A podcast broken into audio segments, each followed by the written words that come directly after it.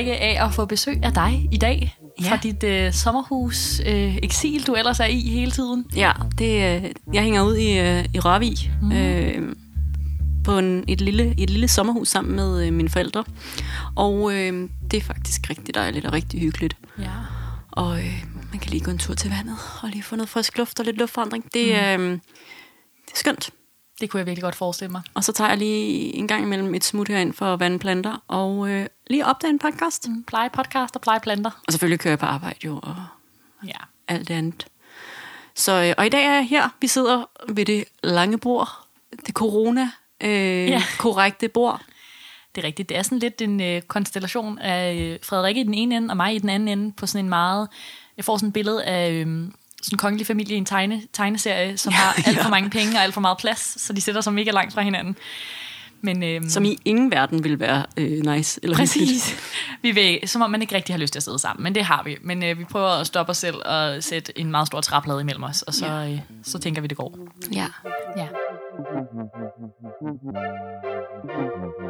Nå, vi skal jo øh, i gang med det, det hele handler om. Det skal vi nemlig. Og vi øh, har besluttet os for at kaste os ud i noget, som måske øh, er lidt spændende. Det er i hvert fald, jeg kan mærke, at øh, jeg har lidt sommerfugl i maven, og øh, øh, jeg synes, det er vildt vigtigt, og samtidig også, det er lidt svært at snakke om. Men, øh, men det, vi skal snakke om i dag, det er at være soloforældre.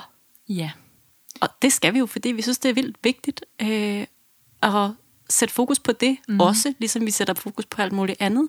Øhm, og også lige snakke lidt omkring det her med, at der findes jo vildt mange øh, familieformer, og også vildt mange former for at være soloforældre. Mm. Og det er dem, vi skal prøve at se, om vi kan øh, snakke lidt om, og måske også give nogle tips og tricks til, sådan, hvad, hvad kan man gøre sig tanker i forhold til graviditet, fødsel og barsel. Lige præcis. Og jeg tænker også, det er derfor, du har lidt, lidt kriller i maven over det her emne, det er, at der er jo ikke nogen af os, der er soloforældre. Der er ikke nogen af os, der har børn, så på den måde, så kan vi jo ikke, vi kan jo ikke kloge os for meget på, hvordan det er at stå alene og øh, skulle føde, eller skulle øh, i gang med en amning.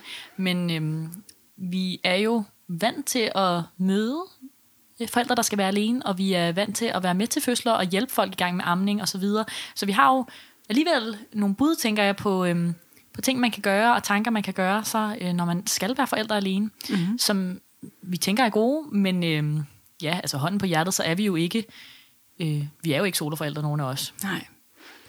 Men vi har prøvet at lave lidt research, som vi også øh, og lige har prøvet at sætte os lidt ind i, sådan, hvad, hvordan og hvorledes, øh, og også øh, snakket lidt med nogen, som, øh, som er soloforældre, og få lidt insiderviden der fra dem. Lige præcis. Og øhm, så tænker jeg bare, at det også er et vigtigt fokus at have, når man laver fødselsforberedelse, som det er jo langt hen ad vejen også er det, vi gør her øh, på Fødselskanalen. Der tror jeg, at der er mange, der skal være soloforældre, som måske føler sig lidt overset. Øh, I hvert fald, altså hvis man dukker op der på det hospital, hvor vi arbejder, så har vi jo fødselsforberedelse, hvor vi har et helt element om parforholdet, som vi måske snakker om i 20 minutter eller sådan noget første gang, man kommer. Og det, øhm, det rammer over ved siden af, hvis man selv skal være alene forældre, øh, hvor at der jo så ikke er noget alternativ. Det er jo ikke sådan, så, at vi så bagefter kører 20 minutter om det at være alene forældre. Nej. Så måske er det fedt nok lige at få, øh, få dedikeret lidt tid til nogle tanker omkring det, og, øhm, og hvad man kan gøre for at hjælpe sig selv, og hvad man kan gøre som, øh, eller hvad der kan være svært, og hvad der kan være mega fedt, og, øhm, Ja, og det er jo lige det, få lov at reflektere lidt over det. Ja, og det er jo det, der øh, tænker også er øh, sådan systemets svaghed. Det er det der med, at det henvender sig meget til øh, familier, der består af en mor og en far, og så bliver Ja. resten sådan lidt sekundært, og det er jo super ærgerligt, øh, og noget vi godt gad at gøre noget ved. Øhm, og øh, det lille tiltag, vi tager i dag, det er at øh, dedikere et helt episode til lige at hylde Ja. øh, soloforældre, Præcis. og prøve at se, om vi kan give nogle tips og tricks. Nemlig. Jeg synes, vi skal kaste os ud i det og starte med en tekstbogen om det at være soloforældre. Perfekt. Tekstbogen. Der findes mange forskellige familiekonstellationer og også mange forskellige måder at være soloforældre. Man kan være ene forældre for et barn, man kan også være flere soloforældre, der har et barn sammen. Nogle vælger at blive gravide alene og gennemgå fertilitetsbehandling. Nogle bliver gravide med en, de aldrig har været i et forhold med. Og andre går fra hinanden i graviditeten eller efter fødslen. Under alle omstændigheder er denne familiekonstellation udbredt, og der er de sidste år kommet flere og flere soloforældre i Danmark. Ser man udelukkende på statistikken for soloforældre, der vælger at blive gravid alene, ses dette tydeligt. I 2018 var der 709 selvvalgte soloforældre, der fødte, hvilket var 1,15 procent af alle fødslerne det år. Fem år før, i 2013, var det tal 489. Det er altså en stigning på 45 procent på fem år. Vi prøvede faktisk ihærdigt også at se, om vi kunne finde noget statistik på øh, de andre familiekonstellationer, vi nævnte i tekstbogen, og sådan tal på, hvor mange øh, er der for eksempel, som bliver enlige i løbet af graviditeten. Det, Ja. det kunne vi simpelthen ikke finde nogen tal på. Så øh, Nej, og jeg tror, det er svært, fordi der jo nemlig er, som vi også får nævnt, altså mange måder, det kan ske på. Det kan være i starten af graviditeten, det kan være i slutningen af graviditeten, det kan være lige efter fødslen, så det bliver ligesom sådan, det bliver svært at få et tal for hele denne gruppe. ja. Øhm, ja, Så, men, øh, men det her, det øh, var lige sådan en, en kort introduktion til os, det vi tænker, vi skal øh, ind og snakke om i dag. Øh, og der synes jeg, øh, at det siger det meget godt, det her med, øh, der kan jo være alle mulige årsager til, at man øh, ender med at falde i kategorien soloforældre, og øh, det vil jo være meget forskelligt, hvad man så har med sig, både i de forskellige kategorier, men jo også bare som individ. Altså alle har jo hver deres historie bag sig, om det så er, at man har brugt et, øh, en stor del af sit liv på ligesom at søge øh, efter den rigtige partner øh, og starte en familie med, og simpelthen har måttet sige, sådan, det kommer ikke til at lykkes, øh, så jeg må gøre det selv, eller om man har, har stået i en situation, hvor man øh, øh, er blevet forladt, eller måske har været nødt til at gå fra sin partner i løbet mm. af graviditeten. Det er jo to vidt forskellige øh, udgangspunkter mm. for det her forældreskab. Klart. Øh, men der vil også være en masse ting, der går igen.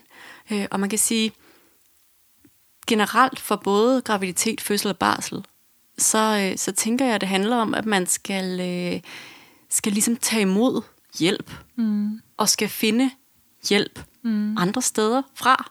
Øh, og det er ikke fordi, at man ikke er stærk nok alene, fordi det er man. Jeg tror virkelig, at soloforældre øh, er, altså i hvert fald i mine øjne, indbegrebet af styrke og power og... Øh, og selv hvis man tænker, der er nogle ting, man har for mega svært ved, eller har svært ved at overskue, så klarer man det jo. Og det er jo bare vildt sådan, styrkende mm. at opdage, at man kan det. Men jeg tror også bare, det er sådan en erkendelse af, at vi, vi som mennesker kan ikke gå gennem livet og klare alting selv. Øh, og derfor så, øh, så er det vigtigt, at man øh, finder og har nogle mennesker omkring sig, som man er Mm tryg ved, og som man også har lyst til at, øh, at tage imod hjælp fra. Mm. Det er meget interessant. Øhm, jeg tænker sådan i forhold til den der øh, opdeling, du laver, at der er dem, som ligesom vælger at være forældre øh, alene, og dem, der ligesom på en eller anden måde er i et parforhold i det, de bliver gravide, men ender med ikke at være det.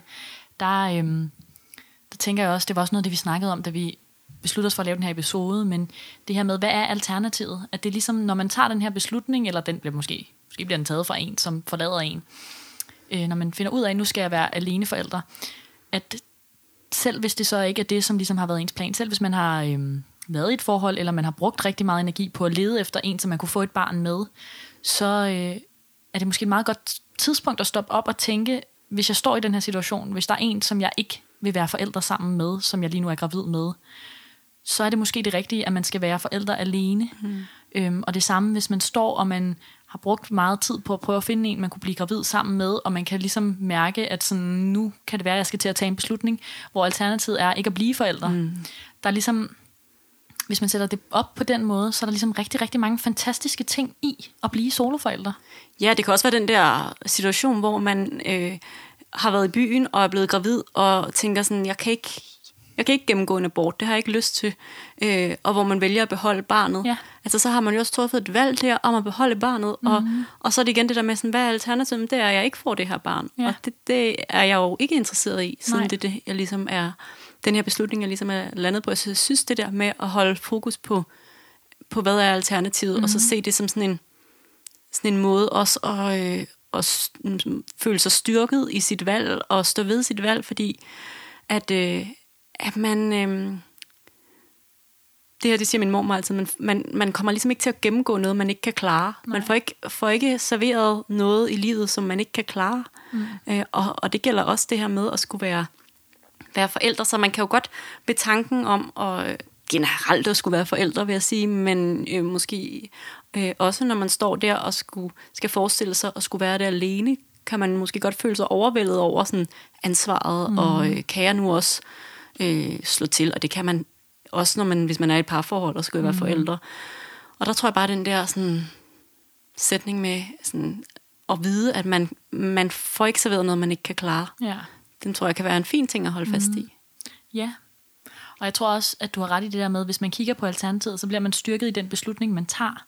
Fordi at for mange vil det her ende med at blive et valg. Det er ikke for alle. Der er også dem, der er soloforældre, uden at de har valgt det selv. Men for mange vil der være et valg involveret i den proces. Mm. Altså for eksempel, når man vælger at blive gravid, eller hvis man vælger at forlade en, eller hvis man, som du siger, vælger ikke at få en abort. Mm. Øhm, og det kan være et vildt svært valg, også fordi, at, at jeg tror, at man kan komme til at føle, nu er det her altså noget, jeg tænker, det ved mm. jeg jo ikke, men jeg kunne forestille mig, at man godt kunne komme til at føle, at man havde et, taget et meget stort ansvar på sig, at så var det også ens egen skyld, hvis det var mega hårdt, eller hvis man en eller anden dag tænkte, hold kæft mand, nu er, nu er jeg faktisk bange for at skulle være alene. Hvor at sådan, at jeg tror, man, man godt kan blive stillet til ansvar på en anden måde, eller i hvert fald selv føle i sig selv, at man er mere ansvarlig over for det her valg, fordi der er et valg involveret øh, i det at være alene forældre. Ja, men det tror jeg da helt klart.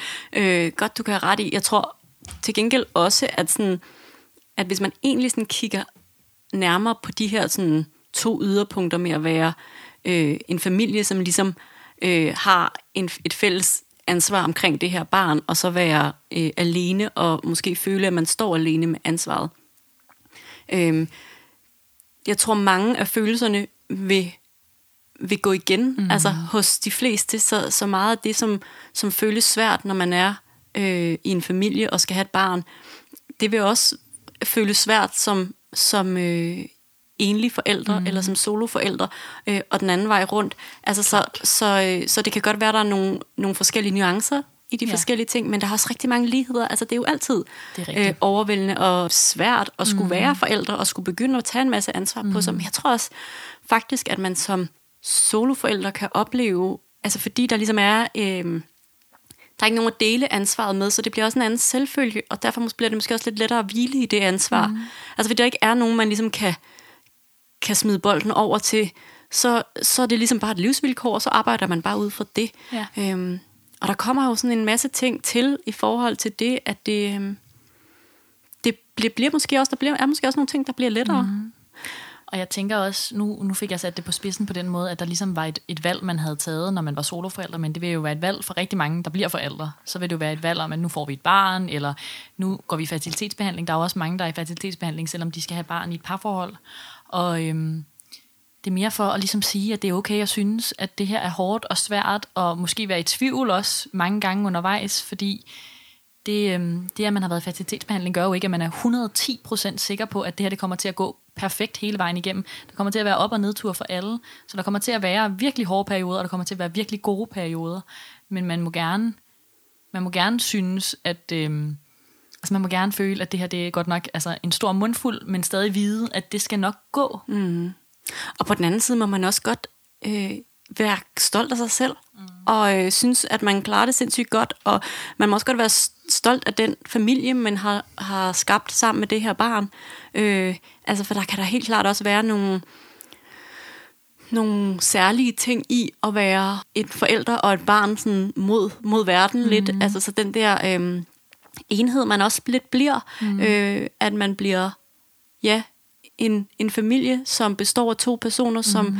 bliver sådan lidt øh, et partnerskab i at, øh, øh, at være i verden. Altså, så, så jeg tror også, at man også godt må have den følelse af, ja. at, øh, øh, at faktisk så, øh, så er der noget her, der er, er vildt fint, og øh, giver mig nogle, nogle helt særlige forbindelser mm. til det her barn. Øh, mm. Og det, øh, det må man også gerne være, mm. være glad og stolt for. Klart. Stolt for. Stolt af.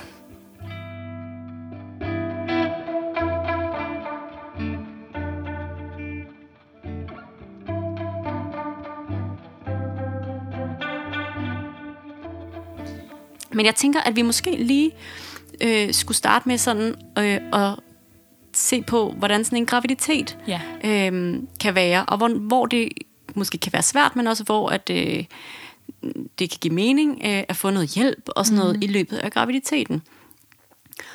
Og øh, Og som udgangspunkt, når det kommer til det her sådan med at, øh, at blive gravid, øh, så, så er man jo øh, særligt sårbar. Øh, det vil man både være sådan emotionelt. Mm. Altså, der er jo mange, der oplever øh, det her med, at man har hormoner i kroppen, som, øh, som ændrer sig drastisk i løbet af sådan, øh, altså både fra man ikke er gravid til man er gravid, mm. men også i løbet af sådan en graviditet, at det kan gøre, at man har lidt øh, ekstra Klart. tynd hud, eller føler sig en lille smule ekstra sårbar. Øhm, og derfor så tænker jeg allerede, at det sådan i, i graviditeten kan være en god idé netop at finde ud af, øh, altså hvem, hvem det er, man, øh, man ligesom går til, når man har brug for at få talt om nogle ting, mm. eller har brug for at øh, få noget omsorg og noget øh, hjælp. Bestemt. Og det man kan sige, det er, at det er jo en kæmpe stor livsforandring, det at være gravid. Og på den ene side, så er det et kæmpe skift, der sker fra, at man øh, ikke har et barn, til man har et barn, og det føles som om, det går meget hurtigt, men samtidig har man jo også de ni måneder til ligesom, altså det er en, det er en stor livsforandring, som også sådan sker over en periode. Så jeg tænker, at det er, en, det er en gave, at man ligesom har den der graviditet til at finde ud af, hvem er mine mennesker. Mm. Og, øhm, og, og det der med, at der sker så store livsforandringer for en, det vil for langt, langt de fleste også være øhm, noget af det, der gør en lidt tyndhudet. Så selv, mm. altså hormoner sætter aside, så er det svært at opleve noget så forandrende for ens liv, uden at være en lille smule overvældet af situationen. Og der tænker jeg, at man har brug for et eller andet anker, både altså i sparring af, sådan, hvilken altså barnevogn skal jeg købe, og mm. øh, hvad for noget, hvad, hvad skal jeg gøre her, hvad skal jeg gøre her, men også bare sådan i støtte, altså nogen man kan få kram af, nogen man kan få øh, altså lægge, lægge sin skulder på, når man lige har brug for at græde lidt over, at man er overvældet over situationen af, at der skal ske noget så voldsomt i ens liv. Øh, at man ligesom har brug for nogle mennesker, der kan være der for, den, for en på den måde. Og det er jo... Øh, det er jo godt, at man får vendet sig til det, mens barnet er inde i maven og ligesom bliver næret af ens krop. Og så ved man også, hvem man har, når man har barnet ude øh, efter fødslen. Ja, og jeg tror måske også, at de her ni måneder helt naturligt bliver en måde, hvor man ligesom, øh, hvor det går op for en, at man har fået brug for noget hjælp, og øh, hvor man måske også lærer sig selv at bede om hjælp. For det er det ikke altid, at vi mennesker øh, på den her tid i verden er så gode til at bede om hjælp. Mm-hmm. Vi er meget gode til at klare tingene selv. Men jeg tror, mange vil opdage i løbet af en graviditet, øh, at man har brug for at række ud, mm. øh, og brug for at få hjælp. Øh, og for der kan også ske sådan nogle helt øh, fysiologiske ting i kroppen, som gør, at man er udfordret. Det kan for eksempel være sådan noget med, at man er lagt ned og kvalme. Mm. Øh, man kaster måske helt vildt meget op, og så kan det godt være, at man har brug for at skrive til en ven. Mm. Kan du ikke øh, handle for mig? Og sammen med, med sådan senere i graviditeten er der også nogen, der bliver ramt af bækkenløsning i mildere og sværere grad, mm. øh, som simpelthen kan gøre, at de er udfordret i at komme omkring.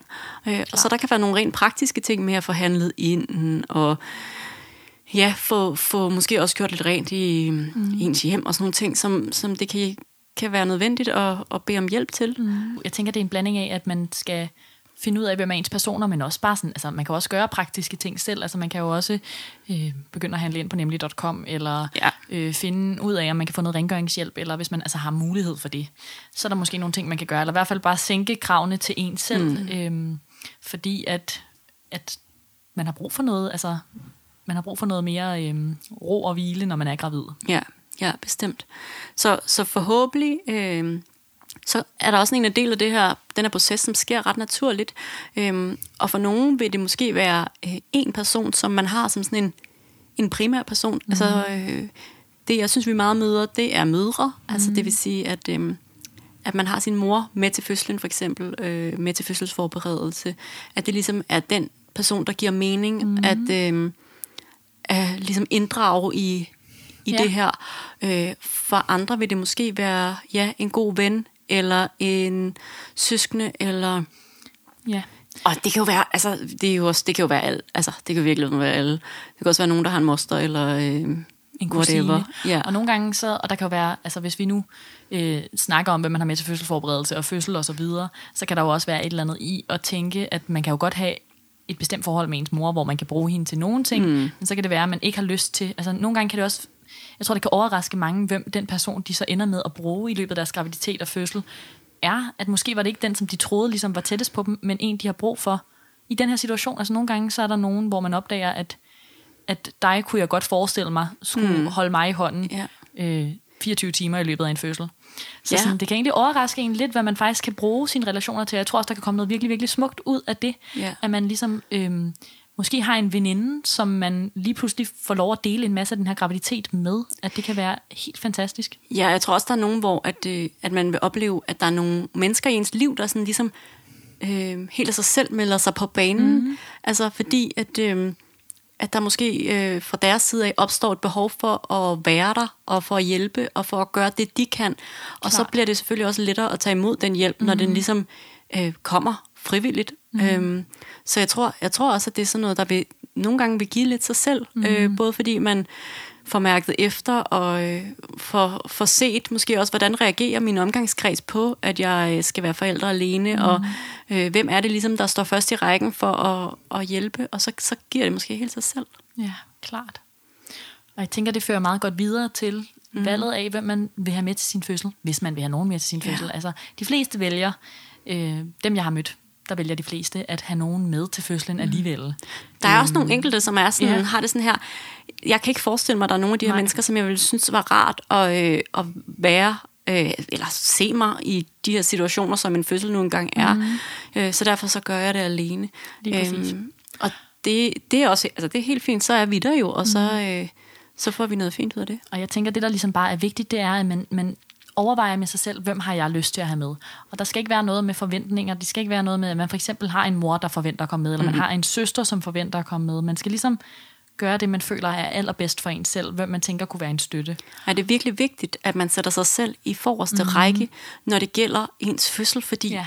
det er øh, altså meget bedre for fødslen, at mm. man øh, har nogle mennesker omkring sig, som man også har lyst til skal være der, og som man måske også ved øh, ikke bliver helt vildt bekymret mm. i løbet af fødslen, eller øh, tager helt vildt meget plads, eller hvis man nu har en mor, som bare snakker hele tiden, og man ser sig selv som en, der har brug for ro under fødslen, mm. så kan det være, er et dårligt match, Ja. selvom man er rigtig glad for sin mor. Præcis. Og der er også øhm, forskel på, hvad man har brug for i en fødsel, og i mange andre situationer, mm. at har man haft øh, behov for for eksempel at tage hjem til sin mor i graviditeten, og snakke med hende, og måske få nogle kram, eller blive trøstet, så det er ikke sikkert, at det er det, man har behov for under en fødsel, fordi at øh, jeg har sådan lidt blandede erfaringer med, når, når fødende har deres mødre med, at jeg synes rigtig tit, at det kan være en kæmpe stor støtte, og der kan være et eller andet virkelig smukt i det, men der er også enkelte gange, hvor det bliver lidt... Øh, hvor der kan være noget i den der morrelation, som gør, at man føler sig mere sårbar. Måske bliver man mere ked af det. Måske har man nemmere ved at ligesom gå i, ikke barnemode, men i sådan,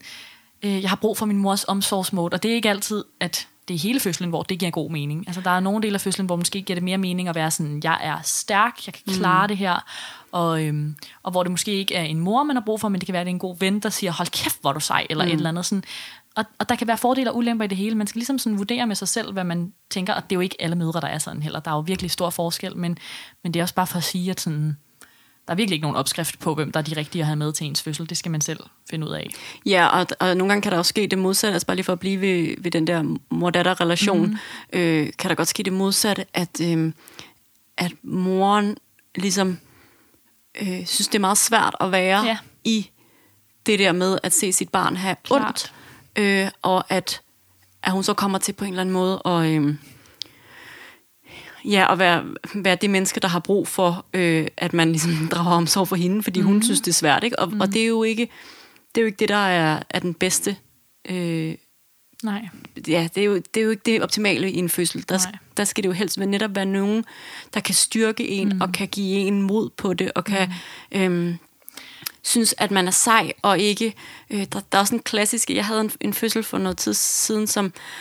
Øh, måske var hun... Øh, sådan lige omkring de 20, tror jeg, øh, som havde sin mor med til fødslen, og hvor at moren kom til at tage sine egne fødsler med mm. ind, eller sin egen fødsel med ind til fødslen. Det vil sige, at hun kom lidt til at sige, øh, hun havde haft en fødsel, der endte i et akut kejsersnit, øh, og da, da det så trak lidt ud, så, øh, så begyndte hun ligesom at projektere det over på mm. sin datters fødsel, og, og sige sådan, jeg har selv oplevet, at, at det ender i et akut mm. kejsersnit, øh, og det var ikke der, vi var, og hun endte med at føde så fint og flot, så det var ærgerligt, at At det blev et fokus. Ja, at noget Ja. af min omsorg skulle gå til på en eller anden måde at berolige moren, ja. som selvfølgelig gjorde det, hun tænkte var bedst for sin datter.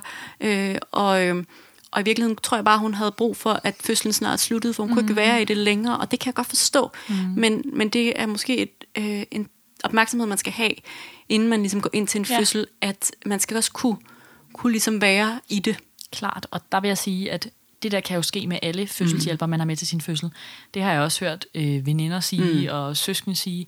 Men der er helt klart et eller andet i, hvis det er ens mor, der siger det til en.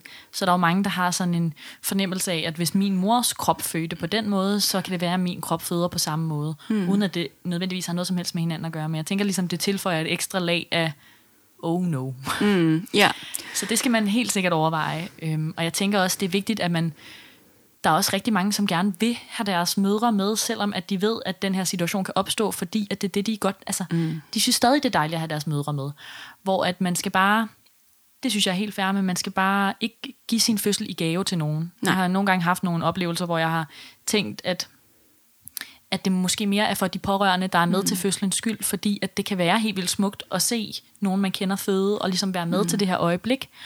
Og, øh, og det er der nogle overskudsfødende, som sagtens kan honorere, men man skal i hvert fald ikke sådan øh, nødvendigvis gøre det. Og hvis man kan mærke undervejs i fødslen, at det er det, der begynder at ske, så må man også gerne ombestemme sig og sige sådan, jeg tror faktisk, jeg har brug for, at der er færre mennesker på den her stue, mm. fordi at, øh, at man skal selvfølgelig ikke servicere nogen, eller snakke med nogen, eller øh, have nogen med, bare for at de kan få den oplevelse, hvis man selv bruger energi på det.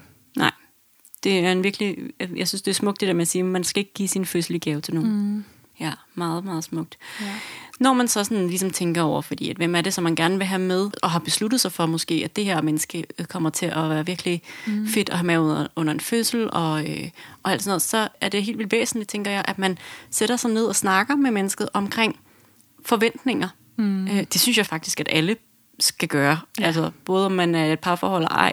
Men det der med, den, den eller de mennesker, man vælger at tage med ind til sin fødsel, kan det være en rigtig god idé at lave en forventningsafstemning.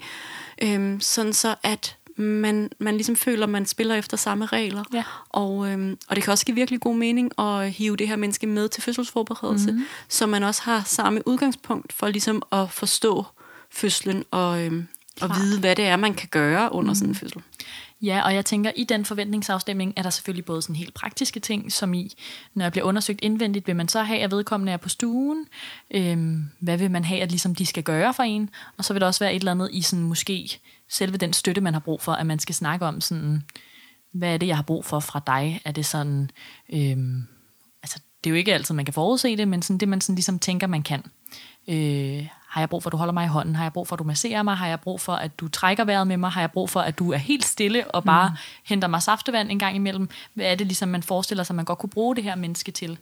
Øhm, og begge veje, altså også, at man som den, der ligesom skal være med til fødslen, men ikke skal føde selv, at man ligesom gør sig nogle tanker om sådan, øh, hvordan, hvordan kan man snakke sammen om det her undervejs i fødslen, og hvad kan man ligesom give, og hvad kan man, hvordan forestiller man sig, at man skal være i den her situation? Øhm, Ja, sådan, så man også får sagt fra, hvis man i virkeligheden... Altså hvis nu der er en, der kommer og siger sådan der, jeg kan mærke, at jeg vil rigtig gerne have dig med til min fødsel, så skal mm. man selvfølgelig også kunne gøre det, hvis man også tænker, "Mm, det, det vil jeg gerne give Ja. dig, eller det vil jeg gerne øh, være med til. Mm. Hvis man har det sådan her, uh, jeg ved ikke, hvordan jeg vil have det med, mm. med det, og måske vil jeg ikke have det så godt med at være til en fødsel og sådan noget, så skal man selvfølgelig også få sagt fra, mm. fordi ellers så kommer man måske til at gøre øh, den fødende lidt en bjørnetjeneste Præcis. ved, at, øh, at man siger, "Jamen, jeg vil selvfølgelig også, at du skal da ikke være alene og sådan noget. Øh, men så er det måske bedre, at den fødende prøver at finde en anden, sådan, så Ja. man har en til sin fødsel, som også føler, at det er noget, øh, de kan, kan være i og kan Ja, klare. præcis, fordi jeg tænker, der er rigtig mange, tror jeg, soloforældre, der gerne vil have en, der ligesom er et anker, altså et, en, der er primær person, som er med dem sammen med dem til fødslen, fordi øhm, det kan jo godt være to nætter, hvor man ikke får sovet. Det kan være altså, fem ugers terminsperiode, hvor man skal stå på standby, hvor man ikke lige skal drikke tre øl, og hvor man ikke skal...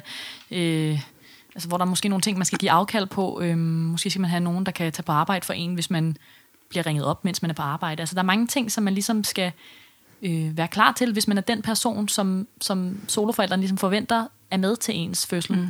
Så øh, det er helt klart, at det skal ligesom være aftalt på forhånd, fordi at det er bare, altså, det er simpelthen en stressfaktor, hvis man kommer ind i sin terminsperiode, og man ikke har afklaret det. Ja, ja.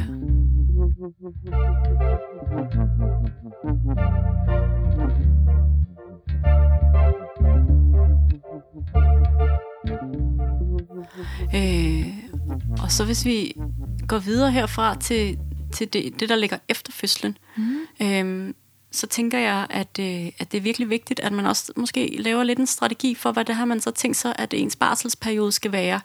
Og måske aller, allermest de første uger af ens barselsperiode. For på et tidspunkt, så bliver man jo mere og mere vant til den her forældrerolle, mm. og falder mere og mere på plads i den. Men særligt hvis det er første barn, så er det jo totalt nyt territorium. Ja. Og, øh, og der øh, er det altså guld værd at have nogle mennesker tæt på, som kan hjælpe.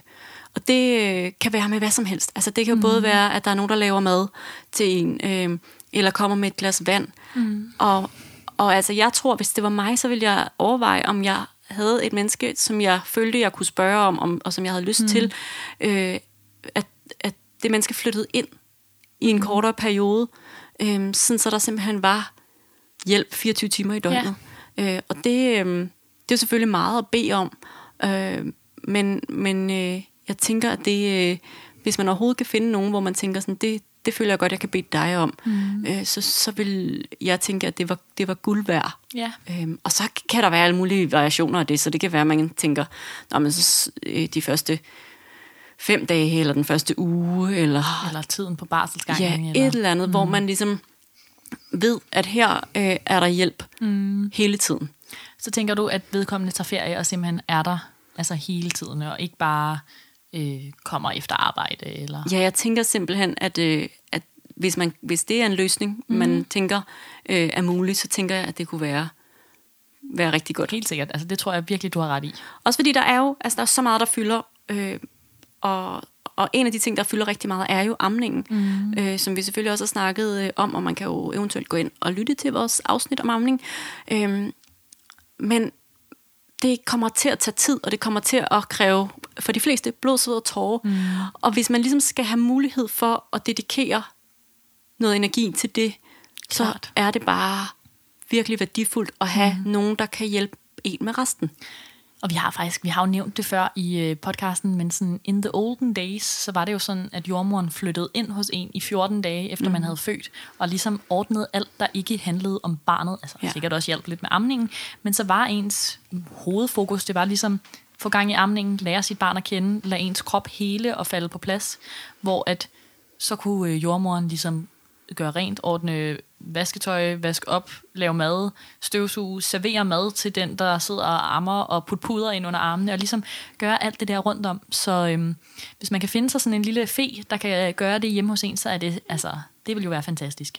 Ja, og, øh, og det er faktisk sjovt, at du siger det, fordi at, øh, jeg var på Hawaii og jeg følger en, øh, en jordmor der, mm. en hjemmefødselsjordmor, og, øh, og der var det simpelthen, det var en ting, de gjorde der, altså, og hun gjorde det nogle gange, hvis ikke hun kunne føde, altså hvis ikke der var nogen andre, der ligesom kunne gøre det, så hvis hun havde rum i sin kalender, mm. øh, hvor hun ikke var på kald til fødsler, øh, så, øh, så var der nogle af dem, hun, hun ligesom havde født med, øh, der var blandt andet en, en familie, hvor de havde to eller tre børn i forvejen, mm. og der, så skulle de have et til barn, øh, og så flyttede hun ligesom ind mod betaling øh, i to uger mm. øh, og hjalp til derhjemme. Fedt. Øh, og det var ligesom, altså de havde, det, det var et par, øh, par der havde, altså hvor, hvor der også var øh, en mand, og, øh, og det var bare den måde, de ligesom valgte at få det til mm. at fungere på, fordi at, jeg tror også, han var, han var helikopterpilot, sejt nok, ikke? Mm. Og, øh, og han havde brug for på et tidspunkt og, og nogle gange ligesom at være væk i længere tid. Så det var ligesom den ro, de kunne skabe, ja. sådan, så han også havde mulighed for det, og mm. det var også et meget andet en, en meget anden struktur, man har i... Til alle øh, helikopterpiloterne, der bor på Hawaii, så det her er et super godt tip. det er jo en meget anden, altså det er et meget andet samfund, og de ja. har nogle helt andre begrænsninger. Ja. Øhm, og, og for at de ligesom kunne få økonomien til at løbe rundt og sådan noget, mm. så var mm. det det bedste, de mm. ligesom kunne gøre. Men jeg synes, det er fedt det der med ligesom at tænke i alternativer. Altså, det her det behøver ikke at være noget, som man har set andre gøre, men ligesom finde ud af, hvad har jeg af ressourcer i mit netværk? Mm. Og det kan også være, at det er en anden end den, der har været med til fødslen. Det kan være, at man har brug for noget øh, det ene sted, og brug for noget på et andet tidspunkt. Men jeg tror, jeg synes, det lyder meget smukt. Det kan jo også være, hvis man er super velhavende, og man har en øh, knap så øh, øh, velhavende ven øh, derude, og man tænker sådan, som, som er arbejdsløs for Og eksempel. mig ikke og? Frede melder også. Ja. Nå, hvis man nu har et arbejdsløs øh, menneske i sit netværk, Ja. øh, og man tænker, at det øh, også er et menneske, man godt gider at øh, have boende hjemme i sit mm. hjem i to uger, øh, at det kan give mening at smide nogle penge Klart. Efter det. Øh, altså sådan, jeg tænker, det er virkelig bare sådan, tænk ud af boksen mm. og finde ud af, hvad, hvad er vigtigt for mig, mm. og så prioritere det. Altså sådan, Præcis. øh, man kan nærmest ikke sætte en pris på en god start på sit forældreskab. Altså, så, øh, så selvfølgelig øh, øh, har man ikke mm. de penge, så kan det være, at man har nogle andre mm. muligheder eller løsninger mm. på det. Og jeg tænker også, der er noget, der du siger i de der 14 dage. Jeg tror, det er det, man... Altså, det kan jo være forskelligt fra person til person, men jeg tror, det er et sådan ret godt udgangspunkt, fordi jeg tror, der er mange, der har lyst til rigtig, rigtig meget støtte til bare at kunne lande i de 14 dage der. Og så kan det være, at man har lyst til i en måned efter det at få meget besøg, altså få besøg måske nærmest hver dag og få mm. leveret noget mad og sådan nogle ting. Men sådan, jeg tror, det er ret meget tid faktisk, man skal forestille sig. Øhm, altså, jeg tror, at det gør en kæmpe forskel, hvis man har 14 dage og ikke bare to dage eller øh, en dag, hvor man får noget hjælp. Og hvis man i tale sætter ens behov, mm. øh, så vil oddsene for, at der er nogen, der ligesom kan dække dem ind, være større. Det vil sige, Ja. hvis man får sagt til sine venner, øh, jeg har rigtig meget brug for øh, hjælp øh, i tiden efter min fødsel. Mm. Øh, vil du være interesseret i at komme forbi et par gange om ugen mm. med noget aftensmad? Øh, og så har man måske tre-fire venner, som godt vil give det. Mm. Øhm, altså så, så det kan også være, at man kan fordele det lidt ud over nogle Ja. mennesker. Hvis ikke man har et menneske, som ligesom Ja. kan sætte al tiden af til Ja. ja. en og ens øh, nye familie, så kan det være, at man siger sådan, okay, øh, har du tid mm. til at hjælpe mig nogle dage om ugen? Mm. Øhm, Faktisk Maja, som øh, jeg bor sammen med, hun fortalte mig, at en af hendes veninder fødte for et par år siden, og der havde de lavet sådan en doodle over de første, jeg ved ikke om det var 14 dage eller måned efter hun havde født, hvor at alle vennerne ligesom koblede sig på den dag, hvor de kunne levere mad. Mm. Og det synes jeg bare var en altså, overdrevet barselsgave at give. Sådan ja. Virkelig, virkelig fedt. Ja. Og sådan, ligesom fornemme, okay, hold op, der er alligevel nogle mennesker, der gerne vil gøre det her. Altså sådan, og øhm, det var jo så noget, som vennerne selv havde Ja. sat i søen, men har man ikke tilfældigvis venner, der selv kommer til at tænke på det, så prøv at se om ikke, at de gerne vil, hvis man spørger alligevel. Jeg tror, der er et eller andet øhm, kunst i at bede om hjælp, fordi at der er faktisk rigtig mange, der gerne vil på barselsbesøg. Ja. Og rigtig mange, der gerne vil hjælpe. Og, øh, og det er jo vildt svært i rigtig mange livssituationer at bede om den her hjælp, men, men det er klart, at hvis man får trænet den muskel i sin krop, så tror jeg, at man får en bedre barselsperiode, især som soloforældre. Det tror jeg også. Det tror jeg helt sikkert også. Ja, så, øhm, så det er øhm, nogle tip givet videre. Præcis. Øhm, og så kan man jo så kan man jo tage det, man synes, der giver mening øh, i forhold til øh, den situation, man nu engang er i. Og jeg tænker allerede det, vi snakker om her med ligesom at få en masse hjælp fra ens omgangskreds, det er jo relevant for alle nybagte mm. forældre. Men der er et eller andet sådan helt særligt i det at være soloforældre, som kunne jeg forestille mig på en eller anden måde mere åbner en op til ens omgangskreds, end hvis man er, er man et par, der har fået et barn sammen, så kan det være, øh, at man ligesom bruger noget energi på at, at forme sig som familie, og være sådan, nu er vi tre eller fire, eller hvad man nu er, blevet en enhed, og nu skal vi ligesom lære hinanden at kende i den her funktion. Ja, så hvor- man lukker sig lidt om sig selv Ja, måske i virkeligheden. Ja, det kan, godt, det kan godt se give mening. Og jeg har da også et indtryk af, at øh, mange af mine venner og familiemedlemmer, når de får børn, så er mit, øh, altså min forestilling om, hvad der kommer til at ske i tiden, efter de har fået et barn, det er da klart, at vi kommer til at se hinanden mindre. Mm. Og øh, det er jo ikke sikkert, det nødvendigvis er sandheden, men det er nogle andre slags besøg, man har, og, og jeg forestiller mig også, at ens venskab kommer til at ændre sig en hel del, og ikke sagt, at man ikke stadig kan være rigtig gode venner, men jeg forestiller mig, at det bliver på en anden præmis, mm. og væsentligt mindre, man ser hinanden. Ja. Hvor at hvis man formår at bruge sine venner på en stille og rolig hverdagsagtig måde, så er det ikke sikkert, at det er det samme, der vil ske. Mm. Jamen, Øhm, Og det tror jeg faktisk, du er ret i. Og jeg, øh, jeg har sådan et menneske i mit liv, som, øh, som ikke er soloforælder mere, men var det øh, i starten af sit øh, øh, første barns liv. Mm. Øh, hende og hendes kæreste gik for hinanden i graviditeten. Og, øh, og så var hun ligesom bare sig selv, øh, mm. og så det her lille barn.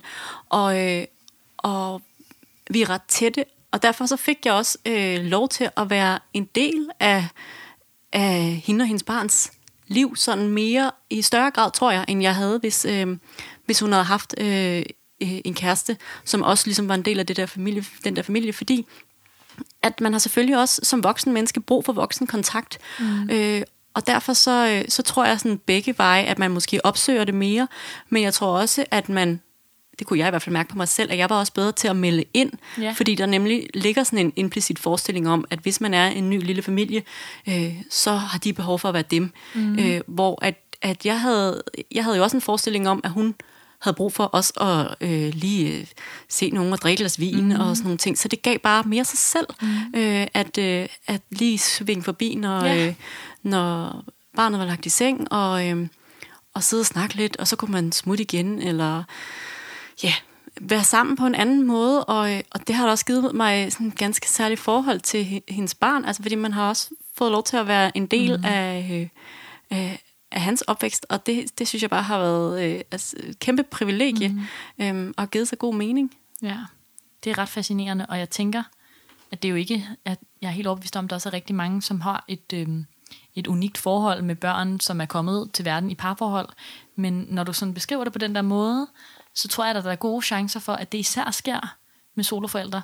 Og også, at nu siger du sådan, at du havde en forestilling om, at hun havde brug for voksen snak, men man har jo også en forestilling om, at der er behov for mere hjælp. Altså, mm. at der er behov for, at der kommer nogen forbi og lige afleverer noget mad, mm. eller øh, svinger støvsugeren, eller et eller andet mm. på en anden måde, end man ellers... Øh, den hjælp er der nok altid behov for, men Ja. måske lidt mere. Man har måske en øget opmærksomhed på det. Ja. Øhm, og det, øhm, det tror jeg bare giver noget andet. Altså, mm. Og jeg kan da også se, altså sådan, hun er virkelig mit, øhm, hun er mit øh, forbillede i rigtig, rigtig, rigtig mange henseender, mm. men, men helt sikkert også i, øh, i det her forældreskab, fordi man altså, kunne da virkelig se øh, altså sådan, styrken stråle ud af hende i den der tid, mm. hvor at... Øh, hun tog nogle vilde beslutninger for sit liv og for mm. sit barns liv, og, øh, og set den her, det her menneske, som man har kendt altid, øh, blive mor, og øh, se, hvordan øh, øh, hendes søn ligesom voksede op, og deres relation, mm. som også øh, er ganske unik, og det kan også bare være fordi, at øh, hun er som hun er, og han er som han er, og de øh, er bare nice mennesker. Men, øh, men jeg tror da også det der med, at man, øh, som vi også sådan lige nævnte lidt i starten, at man øh, er bare mere øh, hinanden sådan følgesvende i livet, ja. og, øh, og får sådan en, en anden udgangspunkt for, øh, for sådan, ja, en familierelation, som måske bare er lidt en anden slags, end den havde været, hvis man mm. havde været en familie af to voksne og, øh, mm. og et barn, for eksempel. Klart. Og der kan også være noget styrkende i, tænker jeg. Altså, der kan både være noget meget sårbart i at blive alene i løbet af graviditeten på den måde, men der kan også være noget styrkende i at være sådan, nu skal jeg være forældre på den mm. måde, jeg gerne vil være forældre. Mm-hmm. Ja, og det, øh, det hun da også har sagt, det er det, at, at der er jo også nogle ting, der bliver lettere. Altså, at man skal ikke, øh, man skal ikke diskutere alting med en partner. Nej. Øhm, man skal ikke øh, tage fælles beslutninger hele tiden. Mm. Hun kunne ligesom bare lægge en retning for sit mm. øh, moderskab, og for øh, den måde, hun var forældre på, og så mm. var det den måde, det kørte på, og det giver jo også en ro for børn. Mm. Altså, børn er jo Ja. gode til sådan rene linjer, og det øh, er der øh, måske lettere i Ja. et, et forældreskab, hvor der kun er en forælder, man ligesom skal forholde sig til. For Ja. ja. ellers kan der jo godt, vi kender jo alle sammen det der med, at mor siger en ting, far siger en ting, eller mm. den ene forælder siger en ting, og den anden forælder siger noget mm. andet. Altså, det, øhm, Det er ret interessant det der. Jeg har, jeg har faktisk også tænkt meget over det, inden vi skulle lave den her episode. Sådan forskellen på... Øh, altså, jeg forestiller mig, at skal man være soloforælder, så kan man måske være lidt bekymret over, at man ikke kan spare med nogen, at man ligesom ikke kan vende hver gang, man skal tage en beslutning om, hvad for en barnevogn skal der købes, og øh, hvad hedder det, hvilken noget modermælkserstatning vil vi købe, hvornår skal barnet begynde at spise grød, dit den, du den, dan. Der er ligesom rigtig mange beslutninger, man lige pludselig skal tage stilling til. Øhm, men, men det er jo lidt interessant, fordi at har man en partner, så har man jo ikke nødvendigvis en partner, som er ammeekspert, eller uddannet jordmor, eller øh, uddannet læge. Altså sådan, man har jo en partner, der er lige så noobish, som man selv er. Så sådan, du ved, jeg forestiller mig også bare sådan, to nybegynderbud er jo ikke nødvendigvis bedre end et nybegynderbud. Altså så, man har jo altså et godt udgangspunkt selv. Man tænker jo også selv logiske tanker og finder frem til det, man gør, som man nu gør, selvom man ikke er ekspert på området. Så sådan, langt hen ad vejen, så tror jeg, man kan finde ud af mange af de her ting selv, når man sådan stopper op og lige tænker over det. ja, og så har man måske også en, en, altså en større tilbøjelighed til så at søge den hjælp hos de mennesker, hvor det giver mening. Det vil sige, har man brug for et ammeråd, så kan det være, at man går til et menneske, som mm. har ammet, og har noget positiv erfaring på det område, og har man brug for at øh, få øh, spurgt om et eller andet med, øh, hvordan er det øh, i forhold til det her, øh, mm. når man nu er soloforældre, øh, så kan det være, at man går til en anden soloforældre. Klart. Altså sådan, at man måske søger hjælpen et mere øh, oplagt sted i virkeligheden, mm. end at spørge det mennesker, der sidder ved siden af en, og man tænker sådan, jeg ved det ikke, jeg ved det eller ikke. Nej, lige præcis. Så det tror jeg sådan på en eller anden måde kan være befriende, men jeg synes også, det er fascinerende, den tankegang, du har i, at, sådan, at et barn jo også har brug for, at der er noget struktur, og der er noget ensartethed, og øh, hvis jeg tænker tilbage på min egen barndom, så har jeg da nogle gange, sådan, hvis der er et eller andet, min mor ikke har givet mig lov til, så har jeg da spurgt min far en halv time senere, og så kan det være, at han har givet mig lov, og det har jeg jo tænkt, har været den per- det perfekte scenarie.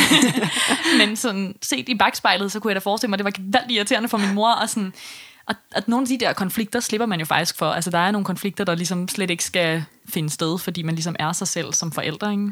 Ja, og jeg tror måske ikke, at det er så simpelt, som man kan sige, at, øh, øh, at det er sværere øh, at være soloforældre, end det er at være forældre i et parforhold. Måske er det bare nogle andre noget mm. andet. Måske er det bare nogle andre overvejelser, nogle andre ting, som er, er svært, og så er der nogle andre ting, som er let. Og, øh, og måske er der nogle øh, tidspunkter, hvor man tænker sådan, gud, det havde da været rart, at det ikke var mig, der skulle stå med alt det her ansvar. Men måske er der også nogle tidspunkter, hvor man tænker sådan, gud, det er da let det her, jeg bare kan, kan gøre mine ting og øh, være den forælder, jeg synes giver mening.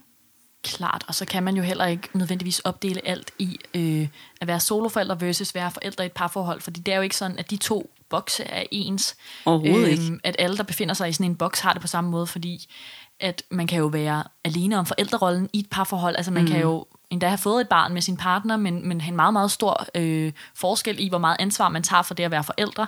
Og man kan også have, øh, have fået et barn, og så fået en kæreste kort tid efter, ligesom være i et parforhold, men ikke nødvendigvis være forældre sammen.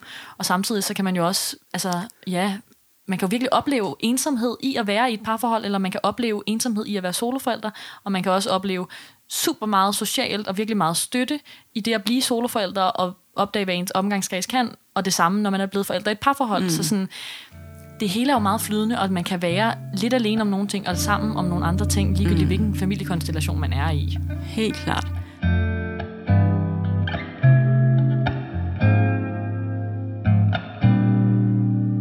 En ting, man øh, også kan, kan tænke lidt over, øh, det er at, øh, at få dannet sig også et netværk måske af nogen, der har er i samme position som en selv. Altså så det der med også at søge, der har jo super mange communities øh, alle mulige steder, øh, som blandt andet også kunne være øh, soloforældre. Mm-hmm. Altså sådan, så man får nogen at spare med, som er Klart. i samme situation som en selv. Fordi der vil jo også være forskel på netop øh, det at være soloforældre selvvalgt, øh, mm. Hvor jeg tror måske, at er man, har man ligesom valgt at få et barn alene og været i fertilitetsbehandling og alt det her, så er man, øh, bliver man måske oftere mødt med sådan en... Øh, at man skal forsvare sit valg, fordi det er et, et valg på en anden måde, end det er øh, at øh, være blevet måske forladt i graviditeten, eller forladt nogen, at det vil stå mere som, når man, det var et, et parforhold, der ikke fungerede, mm. og derfor øh, er man nu i denne her livssituation. Så det bliver mere et livsvilkår, øh, hvor at, at det bliver meget sådan et valg, hvis man er soloforældre. Og, øh, og det, det tror jeg nogle gange kan blive, være hårdt hele tiden at få afkrævet sådan et, hvorfor har du taget det valg -agtigt? Og det, bliver sådan en, mm. det er jo også noget, der er meget op i sådan, altså samfundsdebatter og sådan noget, øh, hvor det tror jeg kan være, kan være vildt hårdt, øh, mm. og man kan møde modstand på det, og der tror jeg, det er godt at have øh, et netværk af folk, som har er i nogenlunde samme situation som en selv, sådan, så man også har nogen, man kan rasse lidt ud over for, og mm. nogen, hvor man kan spare lidt. Og sådan. Ja, og spejle sig også i deres ja. familiekonstellationer. Man kan finde nogen, som man ligesom kan se gøre nogle ting, og tænke, ej, det er fedt, den der måde vil jeg også gerne gøre det på. Mm, øh, og det er jo, må man sige, nemmere at få inspiration fra folk, som minder om en selv tit. Så øh, det tror jeg, du har helt ret i. Og det vil jeg forestiller mig, at nu siger jeg noget, jeg ikke ved, men jeg forestiller mig, at man kan finde grupper på Facebook for eksempel, hvor mm. at man mm. vil kunne opsøge det. Og nogle gange, så ved jeg også, at der er nogle kommuner, hvor at man også i mødregrupper allerede kan blive sat sammen, sådan efter om man er ja. soloforældre eller ej. Ja, og så, øh, så kunne man også sådan lige være tilbøjelig til at quote øh, Kære Helse Mathilde, øh, som jeg har lavet sådan, Du er aldrig alene, tror jeg det hedder. Mm. Øh, som også er en måde ligesom øh, at øh, hjælpe folk til at se, at der er altså mennesker rundt omkring. Øh, og, øh, og man kan, hvis man ligesom søger de rette steder, finde mennesker, som man kan læne sig op af, og som man kan spejle sig i, og, mm. og måske bare vide, at du er aldrig alene. Mm. Du har mennesker omkring dig, der rigtig gerne vil hjælpe det er bare om at finde ud af, hvem, hvem giver det bedst mening, at sådan ligesom søge hjælp hos. Mm. Og så tænker jeg bare sådan, at vi afslutningsvis kan sige, at der er jo sindssygt mange familiedannelser og familiekonstellationer derude, og, øh, og jeg tænker, der er fordele og ulemper ved øh, hver og en, og, øh, og for alt i verden tror jeg ikke, man skal se det at være soloforældre som sådan øh, en øh, mindre god måde at være forældre på, men som bare en måde, og, øh, mm. og det er nok hverken øh, værre eller bedre, end at være mm. øh, forældre i øh, et parforhold, eller i en eller anden form for større konstellation. Mm. Det er bare noget andet. Mm. Og så er vi bare glade for alle de forældre og alle de børn, der eksisterer derude. Al den kærlighed og alle de familierelationer, man kan få. Og, sådan, og man kan jo virkelig bare mærke efter med sig selv, hvor meget øh, kærlighed, man har omkring sig også af venner eller familie, som kan støtte ind i det her, at der er noget smukt i alle familier. Det er bare mm. skønt. Ja, det er det. Det synes jeg øh, er nogle gode ord at slutte på, og så øhm, gå videre til en lille brevsprække. Mm-hmm. Og den brevsprække, som jeg tænker, at vi tager i dag, den er sådan lidt øh, atypisk i forhold ja. til, hvad vi øh, normalt tager op. Vi plejer jo at tage et sådan, ja, fødsels, graviditets, barselsrelateret emne op. Men øhm, sagen er den, at vi har fået rigtig mange beskeder fra lyttere, som overvejer at blive jordmødre, og rigtig mange, der gerne vil have, at vi laver et afsnit om, hvordan det er at være jordmorstuderende. Ja. Og jeg tror, vi er blevet enige om, at det er måske lige lovligt meget at dedikere et helt afsnit til, fordi vi også har et par episoder, hvor vi snakker om os selv, og det at være jordmor. Så, ja. øhm. Og jeg tror også, det er fordi, at vi jo har valgt at dedikere denne her podcast til øh, gravide, fødende, barslende, mm. de mennesker, der er omkring dem, alt det her. Øh, og så må vi sige, at vi er rigtig glade for at have jordmorstuderende, der lytter, og også folk, der bliver inspireret til at blive jordmødre af mm. at lytte til os. Øhm, men, men i forhold til, at vi får mange spørgsmål omkring, hvad, hvordan kommer man ind på jordmorstudiet, øhm, hvad kan man læse af diverse ting op til jordmorstudiet, øhm, øh, hvordan er det at være jordmor, mm. og øh, hvordan ser et vagtskema ud, yeah. og altså der er rigtig mange, rigtig, rigtig, rigtig, rigtig mange spørgsmål omkring alt sådan noget. Og, øhm, og der, der tror jeg bare, at vi en gang for alle godt lige kunne tænke os at sige sådan lidt overordnet om det, og så sådan måske også lukke det ned der og sige, at, øhm, at det er ikke ligesom, det er ikke det, vi er her for. Nej. Det synes jeg Vi er ikke sådan en studievejleder som udgangspunkt i hvert fald. Nej, og så må man nemlig lige præcis gå ind og læse på øh, UG.dk, hvis man ligesom finder ud af, hvad er lønniveauet, hvor, hvor lang tid har det at blive jordmor, og øh, hvordan er det opdelt. Men nu kan vi lige sådan give et lille oprids. Ja. Og jeg tænker sådan helt grundlæggende, sådan for lige at svare på den første del, det du sagde, så øh, idéer til ting, man skal læse inden, og bøger og den slags, så synes jeg, at man øh, skal lægge det helt fra sig, inden man starter på studiet, ja. fordi at man lærer altså aller, aller mest af at være ude og opleve fødslerne. Og øh, jeg tror, man kan lægge rigtig meget energi i at læse en masse ting, inden man begynder på jordmorstudiet, og så ender det med at være sådan en lille smule ligegyldigt, når man først er ude i praktik og ser nogle ting. Ja. Yeah. Så, så måske jeg, også bare lige, især hvis man har en sommerferie foran, ja, så sådan, lave noget andet. Altså. Ærligt, ja, præcis. øh, og så på studiet, så er det ligesom opdelt sådan, det er en professionsbachelor. Ting kan ændre sig, men sådan er det lige nu, og øh, den tager 3,5 år, så øh, det er den slags uddannelse, og øh, man er i praktik 50% af tiden, så man er rigtig meget ude på hospitaler. Mm. Og øh, jeg vil også nærmest sige det der, man lærer allermest. Man bruger selvfølgelig en masse energi ind på skolen, og øh, med at lære noget om, hvordan man kan læse forskningen, hvad mm. evidens, hvorfor gør vi, som vi gør ude på hospitalerne. Men så lærer man rigtig meget af at røre ved en masse gravide maver, og undersøge en masse gravide indvendigt, finde ud af, øh, hvordan føles en livmorhals og de her ting. Og det, det tager bare noget tid og nogle mm. øh, undersøgelser, før man forstår, hvad det er, man mærker. Ja, jordmorgærningen er jo et håndværk, altså ja. ligesom alle mulige andre håndværk. Øhm, så det er sådan, man også lidt skal tænke det, at man lærer rigtig meget af at have det i hænderne. Lige præcis. Så synes jeg noget, fordi det er også det især sådan lige her omkring nu, øh, hvor der lige har været øh, øh, hvad hedder sådan noget, ansøgningsfrist til kvote 2, så får man mm. meget omkring sådan, hvad kan jeg gøre for at øh, komme ind på jordmoruddannelsen, øh, hvad skal man skrive i sin ansøgning, og det er jo, sådan, det er jo vildt svært, altså det, det har vi seriøst ingen jordig chance for at svare på, fordi man, det er jo så forskelligt. Altså, øhm, mm.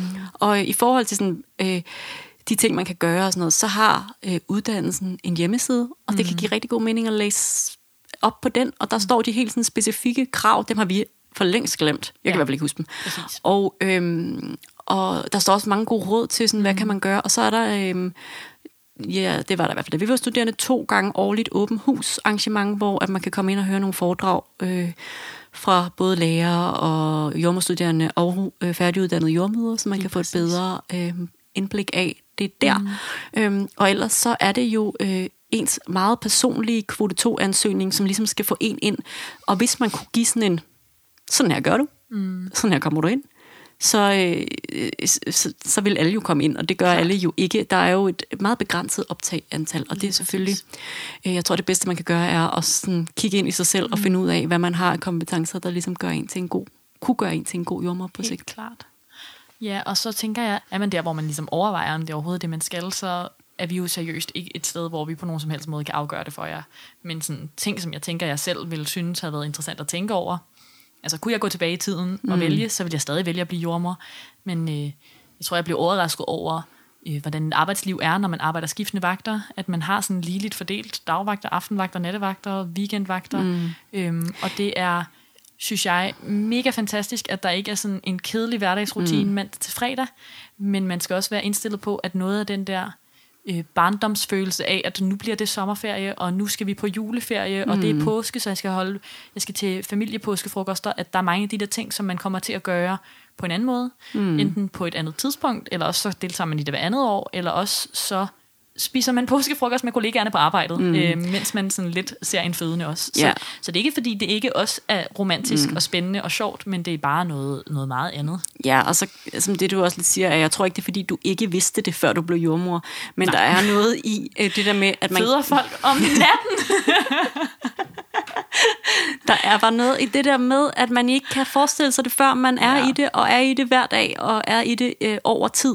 Så sådan, altså, det slog i mig jo første gang i år, hvad det vil sige at arbejde øh, juleaften, og jeg måtte græde i omklædningsrummet, fordi jeg synes, det var meget hårdt. Altså Ja. sådan, og, øhm, og det tager man jo med, fordi det gør man, fordi man øh, godt kan lide sit arbejde, og kan lide alle de andre øh, 364 dage om året. Mm.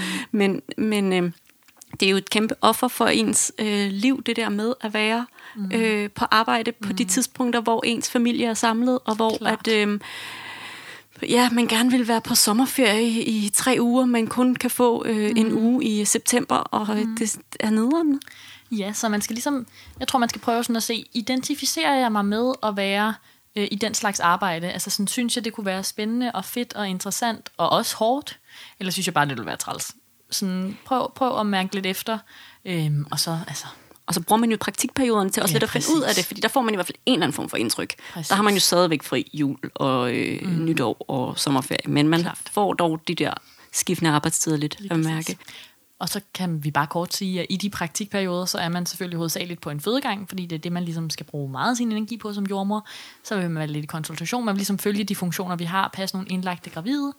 Øhm, og så vil man også lige have nogle besøg til nogle andre afdelinger, være lidt på neonatalafdelingen øh, og se, hvordan de arbejder der, og være lidt på barselsgangen og øh, lidt mm. på gynækologisk. ja. Men sådan, vi er jo ikke øh, uddannede sygeplejersker eller læger, vi skal ligesom vi, vi er ligesom graviditet, fødsels, barsels mennesker, så det er ligesom det, der er Ja. vores fokus. Øh, og så en sidste ting, som måske kan være en god idé lige at overveje, det er det her med lønnen. Altså, og Det er en rigtig god idé. Det er igen sådan noget som, øh, altså fordi man fik jo det at vide. Man Ja. vidste jo godt, hvad man tjente som jordmor, og man tænkte, nå ja, det er vel også en ok pose penge. Og så øh, Den er ikke så blev ok. man voksen, og øh, fik alt, hvad det ligesom indebar. Mm. Og så er det ikke, altså det er ikke de, sådan, den fedeste udsigt øh, at have den her løn. Nej. Stort set resten af sit liv. Og det, jeg kan huske, at da jeg selv hørte det, tænkte sådan, ja ja. Mm. Øh, og det kan jeg mærke nogle gange, er noget, der påvirker mig. Eller i hvert fald noget, Klart. der... Det er også fordi, det provokerer lidt, ikke også? Altså det provokerer at have øh, ansvar for, for små babyliv, og så øh, få, øh, ja hvad, øh, 22.000 i grundløn. Altså sådan, ja. det er ikke fedt. Nej, det er ikke fedt.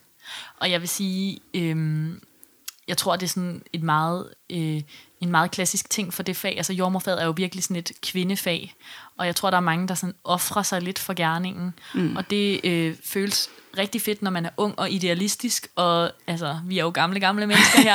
Ej, det er jo ikke, fordi vi ikke er det, men sådan noget af tiden, så kan jeg mærke, at jeg er sådan, nå, hvad er penge? Det er da ikke det, der skal styre mit liv. Men det styrer sgu ens liv, og, sådan, og det er bare et fedt liv at have lidt flere penge, end vi har, tror jeg. Ja.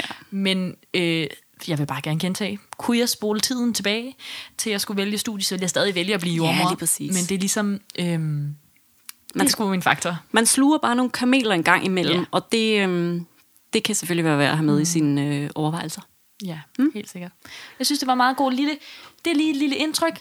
Hvis man vil vide meget mere, meget dybtegående, så skal man finde sig en jordmor eller en jordmorstuderende, man kan snakke med ansigt til ansigt, tror jeg. Ja, og ellers så kan det. man ringe ind til uddannelsen. Altså Ja. sådan, så er de i virkeligheden de bedste til at svare på spørgsmål, og det er det, de er der for. Præcis. Hvor vi er der for at snakke med de gravide og de fødende. Nemmerlig.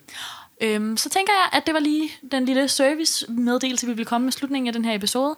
Og så kører vi lige øh, endnu en gang øh, vores lille opfordring her, afslutningsopfordring til at gøre alt, hvad I kan for at hjælpe os. Det er godt, du husker den. Jeg glemmer den altid. Og øhm, vi har besluttet os for at lave øh, et highlight inde på Instagram, så det skal nok komme. Når I lytter til det her, så er det der sikkert allerede, om hvordan I kan støtte Fødselskanalen. Og der er mange måder. Der er de pengeløse måder, som er at anbefale os, måske øhm, endda linke til os, eller også bare sige det til folk. Øh, give os en anmeldelse eller nogle stjerner på iTunes. Og så er der pengemåden, som jo også er ufattelig dejlig. Mm-hmm. Og øh, der er to metoder. Vil du fremlægge de to metoder? Ja, vi har øh, oprettet en bruger på øh, det, der hedder tier.dk. Det er 10er.dk, mm. øh, hvor man kan finde fødselskanalen derinde. Så kan man simpelthen øh, melde sig på vores podcast til at betale et eller andet beløb. Øh, det kan være en femmer per episode. Mm. Og så kan man gøre det. Og øh, det er jo ikke sådan så, at øh, når man melder sig ind, så er det en livslang Nej. Tilmeldelse. Man kan jo til hver en tid, hvis man tænker sådan, nu øh, er min økonomi ikke til det længere, så kan man lige melde sig ud igen mm. en periode, og så melde sig ind igen på et senere tids- tidspunkt, når den igen er der. Så det er ikke sådan, at man skal være øh, øh, angst for, at man så skal betale øh, ja, en hel masse penge over en kæmpe lang periode. Man kan bare melde sig på, hvis man synes, at det vil være fedt øh, på et tidspunkt, og så kan man melde sig fra igen. Ja, og det er kun de episoder, der kommer. Så det er ikke yeah. tilbagebetalt noget af det, man har hørt. Det er fra nu af, når man ligesom yeah. melder sig til. Og, og ellers så har vi så, øhm, fordi der er også en del af der siger sådan, uh, det ved vi ikke rigtig lige, om vi synes er så nice at skulle øh, ligesom sådan forpligte til at give x antal penge øh, per episode. Kan man ikke få lov til bare at lave en, en indgangsdonation? Og det kan man da, for vi har oprettet en øh, boks på MobilePay, som hedder side. Kan du fortælle den for mig? 9118 DM. Ja, DM. Øhm, så kan man sende simpelthen et vilkårligt beløb. Man kan gøre det en gang, man kan gøre det flere gange, man kan gøre det lige som det passer ind. Man kan gøre det hver dag. Og vid, at sådan alt hjælper. Lige nu så er det nogle stykker, der har gjort det, og vi synes, det er fantastisk. Det er simpelthen det er sådan en meget stort kompliment, når der er nogen, der, øh, der melder sig til på tier.dk. Øhm, men det, altså, alt hjælper, så har man lyst til bare lige at sende en tier i vores retning, fordi man synes, vi har sagt noget klogt, så bliver vi lykkelige. Ja, virkelig. Øhm, så det, det kan man gøre. Mm. Så kan man jo også støtte de mennesker, vi øh, samarbejder med. Øh, lige nu har vi et samarbejde med, med Moons and Junes, hvor der engang imellem kommer en promo code. Øh, og så hvis man køber noget gennem, gennem den, så får vi også en lille lille del af kagen. Mm. Øhm, og det er sådan et dejligt økosystem, hvor at øh, vi hjælper jer med at få noget nice og lidt billigere undertøj. Så hjælper I Moons and Junes, som jo også er sådan et lille, øh, lille opstartet Bix, øh, mm. som, øh, som også har brug for for noget støtte, mm. og så, øh, så hjælper de også med at give os en lille smule af det, de tjener. Ja. Så sådan, det er på en eller anden måde også et meget smukt koncept. Det er et meget smukt koncept. Ja. Det synes jeg var fantastisk, Frede. Den lille cirkel, du fik sluttet der for Ja. os, Moons and Junes og jer. Har du Moons and Junes på i dag egentlig? Øh, det har jeg da selvfølgelig, vil du se? Ja, det vil jeg gerne. Ej, jeg har den samme på, vil du se? Jeg kan se den nede fra den anden ende af bordet. Den meget, meget flotte BH. Det er en meget, meget flot behov. I andre kan også se den, hvis I går ind på Instagram. Hvis I vil se, hvordan mig og Frede ser ud med vores BH'er på, så er der skam billeder. Ja, så øh, og også få lov til at se os øh, posere på en strand øh, et meget koldt Ja. øh, sted i Danmark. Og det vil alle selvfølgelig gerne se. Yes. Men øh, ellers så vil vi bare sige, øh, ha' det godt alle sammen. Ja, og tak fordi I lyttede med. Yes. Hej. Hej.